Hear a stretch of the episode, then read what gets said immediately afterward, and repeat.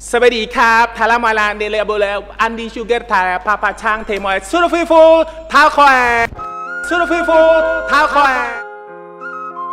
Ini kayak diadili aja kasihan lo ya. Minum dulu, minum dulu biar ada Kang. Ini raja prank Surabaya. Kok modelnya rada nervous tidak tahu apa karena bangun dari koma belum sober 1000%. dari itu aku bisa menyimpulkan kalau channel Andi Sugar ini sangat sedikit hatersnya karena border yang aku pilih itu yang sangat jelas kok. Jadi aku ngeprank pasti orangnya seneng. Dan berita itu berjalan sampai 6 minggu. Oh, tentang apa itu kok? Pak Pacang ditipu kredit card. Jadi asal muasalnya siapa sih yang membuat video itu? Kalau yang buat video itu, itu temanku sendiri, si Steven. Jadi gini,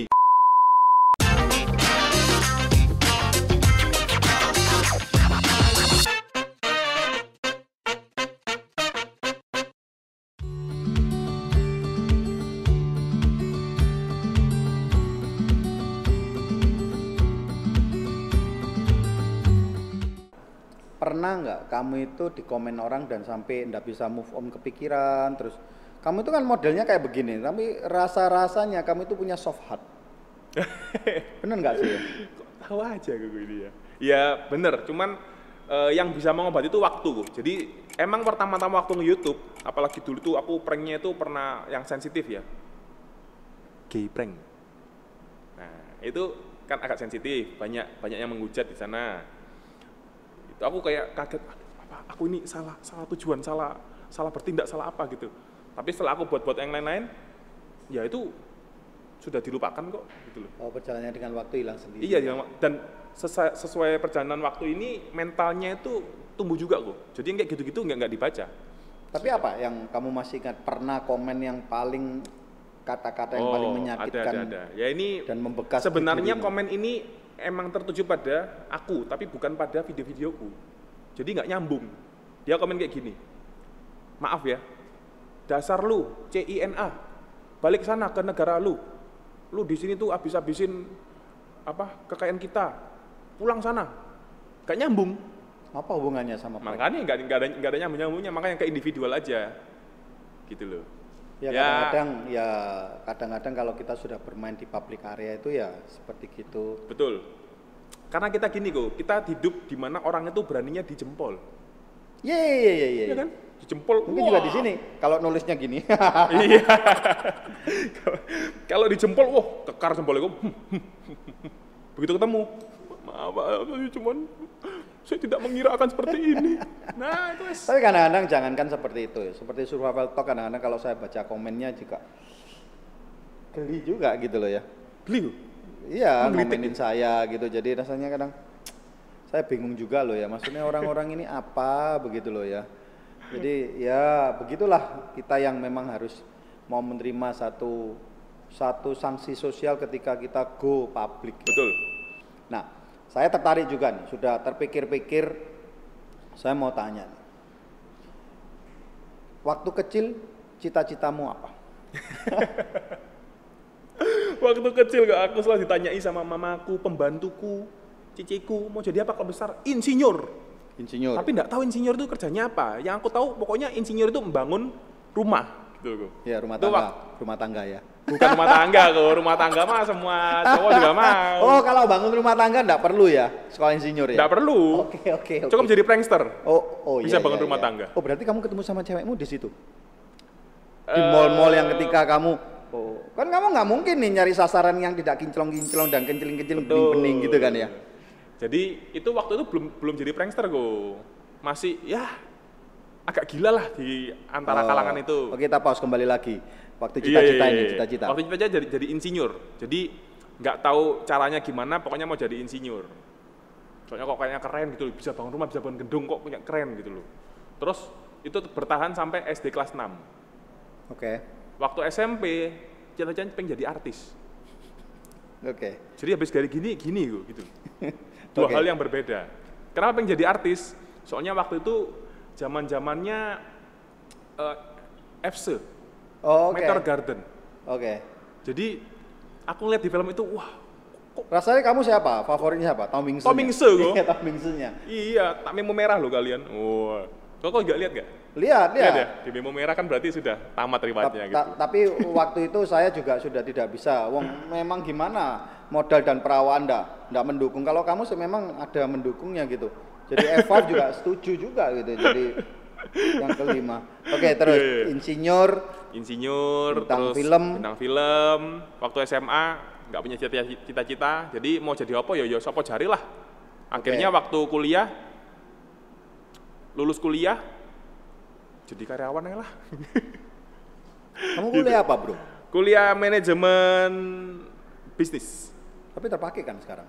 terpakai akhirnya juga punya toko sendiri sekarang meskipun ya masih kecil-kecilan ya tapi nanti semoga suatu saat bisa Oke, berkembang lulus pernah terbesit jadi ya staf atau karyawannya orang aja. Iya. Kemudian ketika dan terjadi benar-benar- Oh, pernah. dan pernah jadi karyawan Oke, sebelum Yes. jadi MC itu ya.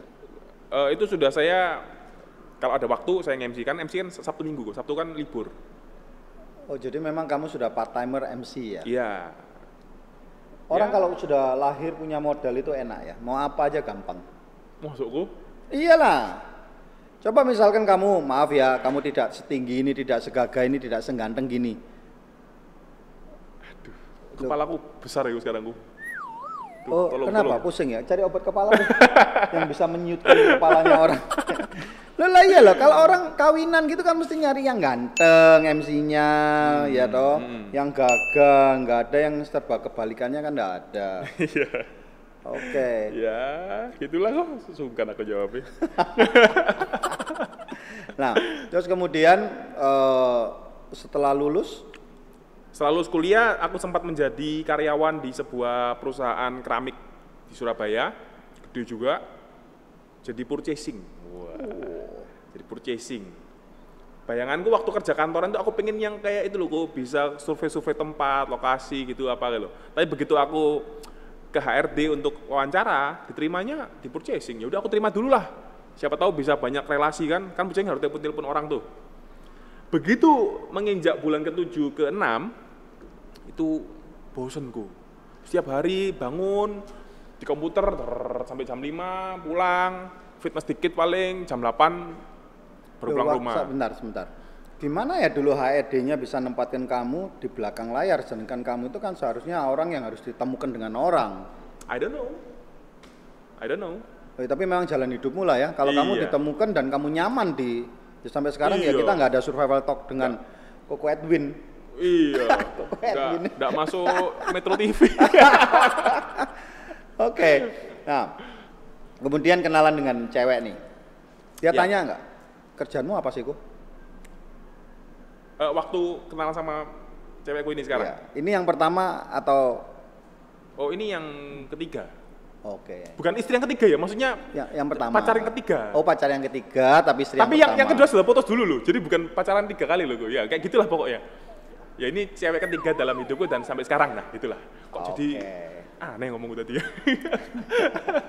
Dewa, waktu kenalan sudah kamu jadi youtuber kan? belum, Oh belum. belum itu masih eh, kuliah itu, kuliah akhir-akhir, Oh cukup panjang ya? cukup panjang. Saya pacaran ini 10 tahun Oh. dan baru menikah Nggak nyangka. Oktober kemarin. Wuhu, iya dong. Kan kan model-modelnya ini kayak TV program zaman dulu namanya PK, PK.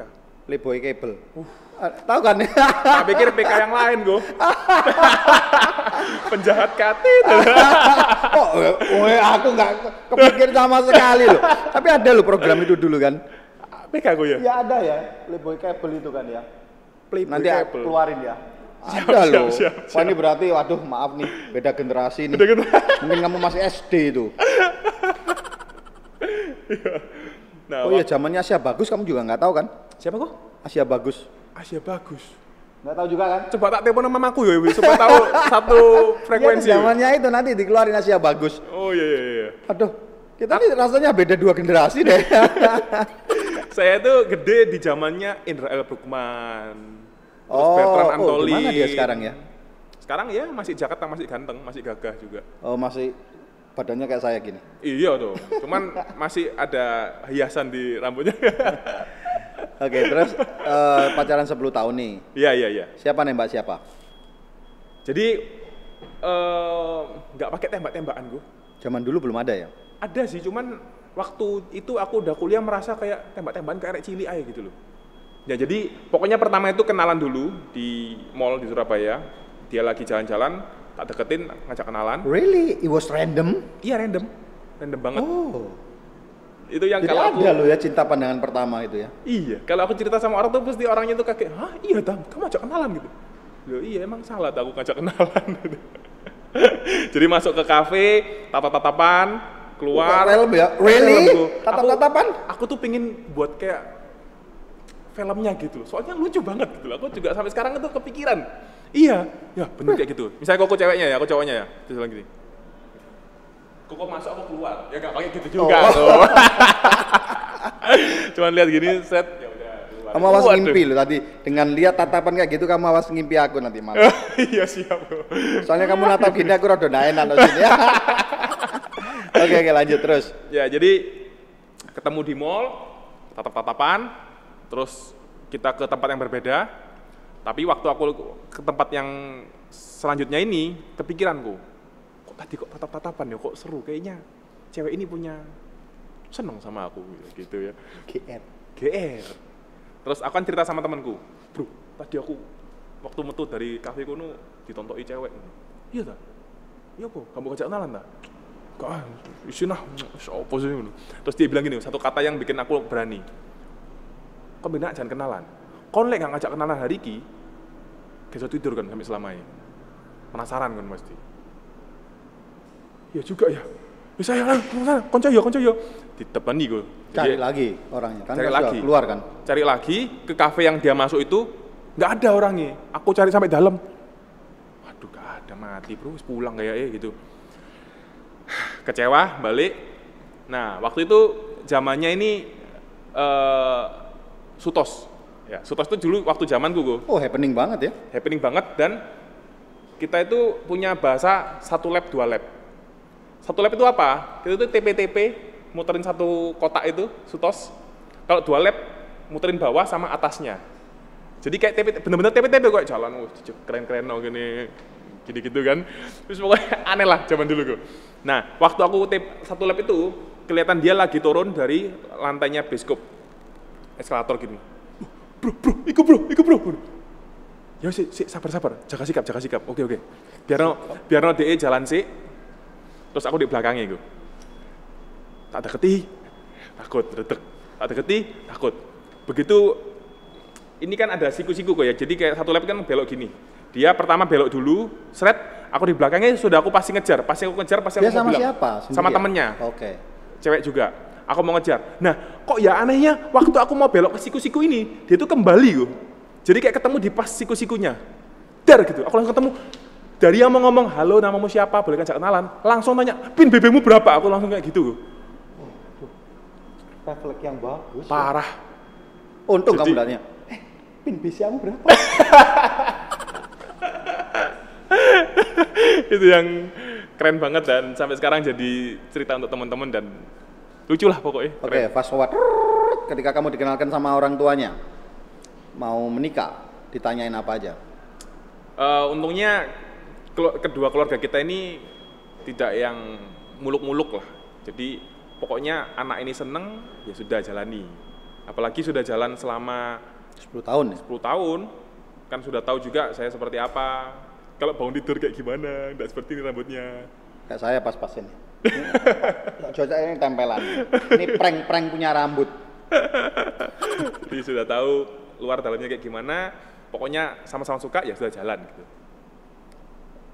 Dan menikahnya kan waktu batch corona nih gue. Barusan aja kan? barusan 17 Oktober. Batch corona wah pernikahan waktu corona. Jadi hemat kok pemberkatan tok. Jadi sebelum tiga bulan ya? belum.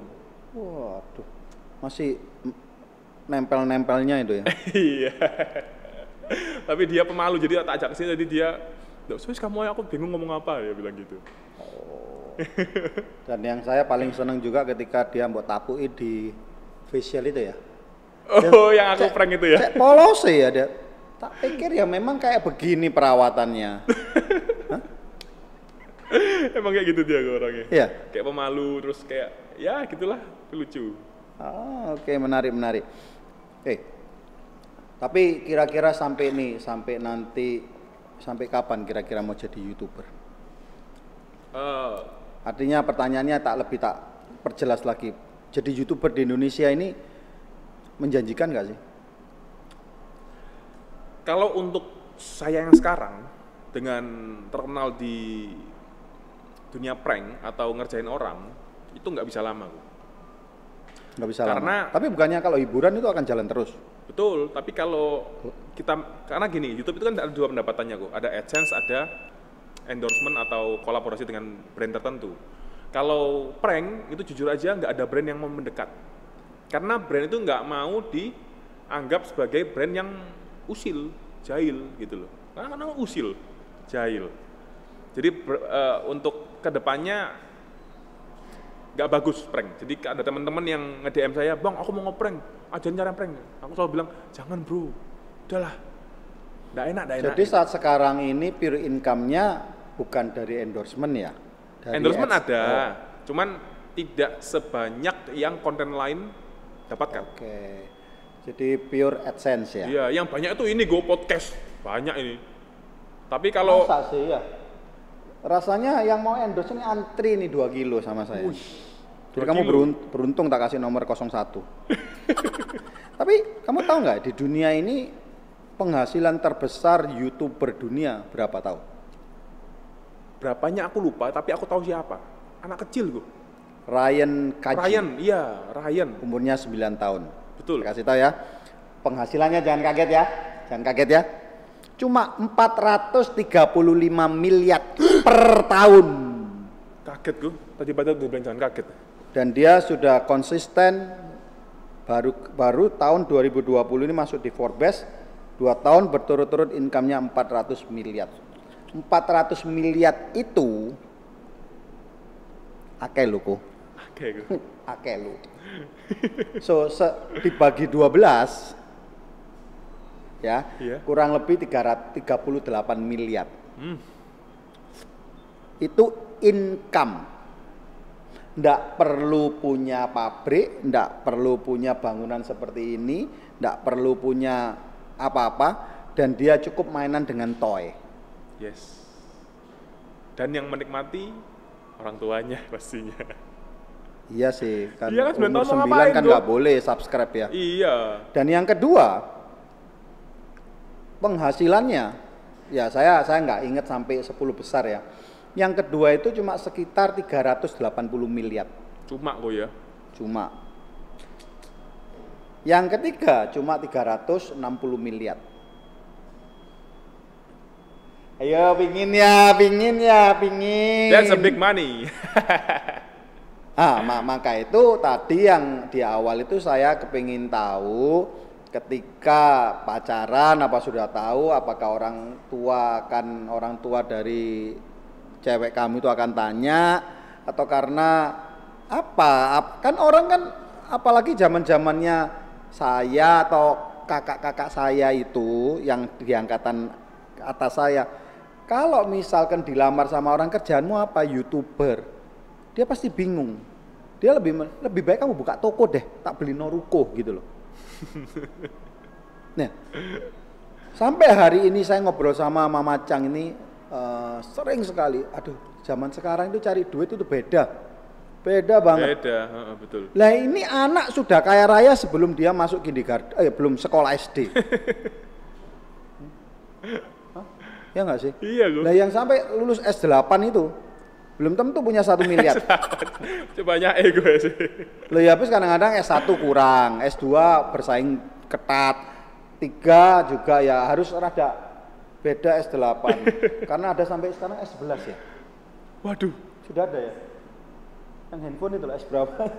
Jadi nggak boleh kalah. Itu lihat jalan gini gue paling keberatan. ya, kebayang nggak sih misalkan kamu sekarang punya income nih sekarang nih satu bulan dari hasil YouTube satu miliar enak Wah enak gue. Ya, setiap hari bangun tidur pikirannya konten-konten konten terus. Tapi yang saya paham kalau ketika saya search bahwa orang bisa mendapatkan penghasilan satu miliar itu luar biasa berjibaku kejar tayangnya dan konsep mikirnya harus setiap hari kadang-kadang bisa satu hari keluar dua loh Hmm. Ya apa ya? Sebagai konten kreator ya apa ya? Kok kok bisa seperti itu terpikir? Aduh saya ini nggak kebayang rek. Kadang-kadang jangankan keuntungan bersih 100 miliar. Omset 100 miliar buka restoran seperti ini. Ya sejauh lah. Dan ini cuma mainan YouTube loh.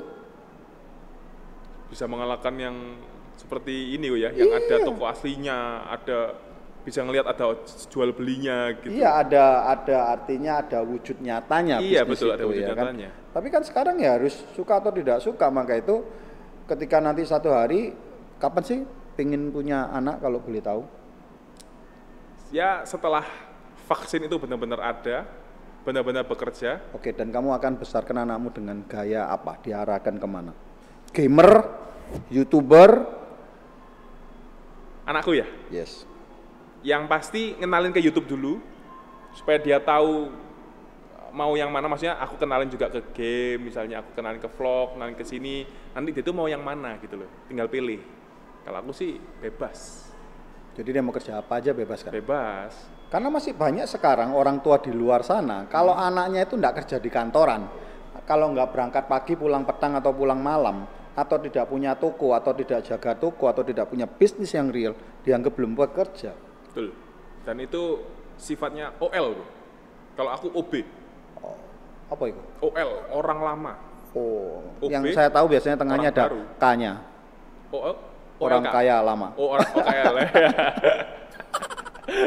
Ada lagi juga OGK, OGKKK, OGKKK OGKK. orang gila kakak kakak Bukan, orang nggak kaya-kaya. usahaan Tapi ya, gimana nih ya? Gimana caranya nih?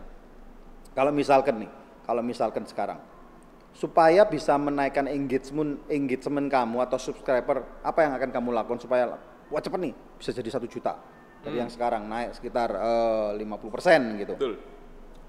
Kalau untuk sekarang, eh, ya pastinya dengan sekarang ini aku lagi nih kok, lagi bergaul dengan circle-nya Crazy Rich Surabaya, Si Steven ya. si Steven. Karena aku lihat eh, Steven ini punya channel yang bagus, dia juga imajiner, dia juga Kreatif ya? ambisius ya. Udah Ambisius. mana? Seumuran ya? Ya, bisa seumuran lah, dia beda setahun doang. Dia 92, aku 91. Jadi, eh, kita sekarang lagi berkolaborasi atau bekerja sama untuk membuat konten-konten yang gila-gilaan. Gila-gilaan, tapi yang kali ini bukan ngeprank, tapi gilanya ke kita sendiri atau brand-brand lain gitu kan yang mau bekerja sama. Seperti itu. Ya, Kalau bisa Papa dibilang Cang masuk itu generation gap nggak ya? generation Generation gap nggak ya? antara Antara kalian dengan Papa Cang ini? Ngegap nggak ya? Kalau dilihat dari modelnya sih enggak kok. Lah tapi gimana saya sport car juga nggak punya, jam mewah juga nggak punya. Loh. Mau kamu pakai jamku ini kan ya nggak mau toh. Lu jamku lebih murah. Nggak ada yang dijual di Papa Cangin kecuali gondolnya. Bukan, kalau kita ini lebih ke sebenarnya kita itu juga nggak kaya-kaya amat kok. Kayak Steven juga kan dia itu crazy rich tapi dia bilang crazy-nya aja, rich-nya enggak. dia bilang gitu. Tapi ya ketika ketika suka atau tidak suka, ketika belakangan saya lihat juga tidak melulu tentang prank nih. ya. Eh, apa sih yang kamu dapat lebih lebih enjoy mana? Eh, Yang sekarang atau yang pure prank? Hmm. Kalau yang pure prank itu susahnya tuh di sini kok. Di mendapatkan tempat untuk bisa ngeprank itu. Karena gini, prank itu musuhnya mall. Sedangkan prankster itu sukanya ke mall. Oh artinya ada peraturan tidak boleh di mall ya, dikejar satpam ya? Betul. Sampai ada suatu grup di Surabaya yang besar sekali, mallnya di mana-mana. Ya. Itu karena aku melakukan suatu prank, diingat sama manajemennya, terus diberitahu ke security-nya untuk kalau ketemu si Andi Sugar ini tolong di escort diajak keluar. omong Oh, gitu. ya. untuk tidak membuat prank di sini lagi. Oh, oke karena merasa mengganggu. Betul. Oke. Karena eh, pihak manajemen tidak menghendaki. ya tamunya diganggu. Ya Iya. sebenarnya sama ya dalam lingkup kecil kalau kamu datang di sini ngeprengin customernya Madam Chang ya saya nggak nyaman kan Nggak gitu. nyaman gitu. Orang mau makan tahu-tahu ya ya ya belum tentu mereka nggak nyaman juga ya. Betul, Cuma betul. kan Cuman- kita ini takut Iya, iya. Ya orang ngerti sih nyaman gitu dan loh. kemudian nggak datang lagi. Cuman gitu. ya itu eh, susahnya di sana. Kalau jadi prank itu apalagi prankku ini selalu yang real kok. Jadi bener-bener nggak pakai settingan ya apa apa yang terjadi ya itu yang kalian tonton gitu loh. Oh, oh jadi memang tidak ada pe- pendahuluannya Betul, artinya gitu. ada. Oke, tapi ketika kamu juga bisa masuk interview orang kok, aku juga seneng ketika kamu interview Chef Juna. Nah itu makanya itu itu yang bisa kita dapatkan kalau kita ini bisa mengekspos apa yang kita punya gitu loh. Jadi begitu aku ngeprank, ada teman-teman lama yang dulu apa nggak seberapa deket, tiba-tiba chat, wah ini keren ya videomu gitu. Akhirnya jadi teman lagi. Terus kebetulan si teman ini dia itu punya jabatan di tempat eventnya Chef Juna itu. Ke- Kebetulan oh, saya waktu juga itu pas dia ada event ya? Betul, ada Oke. event. Nah, waktu itu aku juga bilang, "Eh, Bro, kan dia post story ada Chef Juna di sini bla bla bla bla." Bro, Chef Juna aku iso ketemu gak? Iso nih. Ayo. Jam segini datang yo. Tak siap waktu. Nah, gitu. Tapi suka nggak suka ya? Suka atau tidak suka? Tak lihat ini eh, youtuber mau tidak mau ya harus berkolaborasi juga di satu titik ya. Betul. Eh, kalau dulu kok algoritmanya dulu waktu Andi pertama kali nge-YouTube, algoritmanya itu kalau kita semakin banyak kolaborasi, semakin tinggi engagement atau algoritmanya untuk channelnya yang kita ini bakal meningkat. Tapi kalau untuk sekarang, banyak yang bilang youtuber-youtuber yang atas-atas, kolaborasi sudah nggak terlalu signifikan lagi. Tapi dalam arti kolaborasinya apa? Kolaborasi konten atau kolaborasi konten apa ya? konten jadi kayak misalnya aku buat konten ngeprank sama Papa Cang Papa Cang buat survival talk di Madam Cang TV atau gitu ya nanti kalau dulu itu bakal bagus algoritmanya tapi untuk sekarang sepertinya sudah dirubah sama YouTube karena algoritma YouTube itu udah berubah-ubah Selalu berubah. selalu berubah Nah sekarang emang- trennya apa, Bu? sekarang trennya itu video tidak perlu panjang-panjang, yang penting dilihat sampai habis.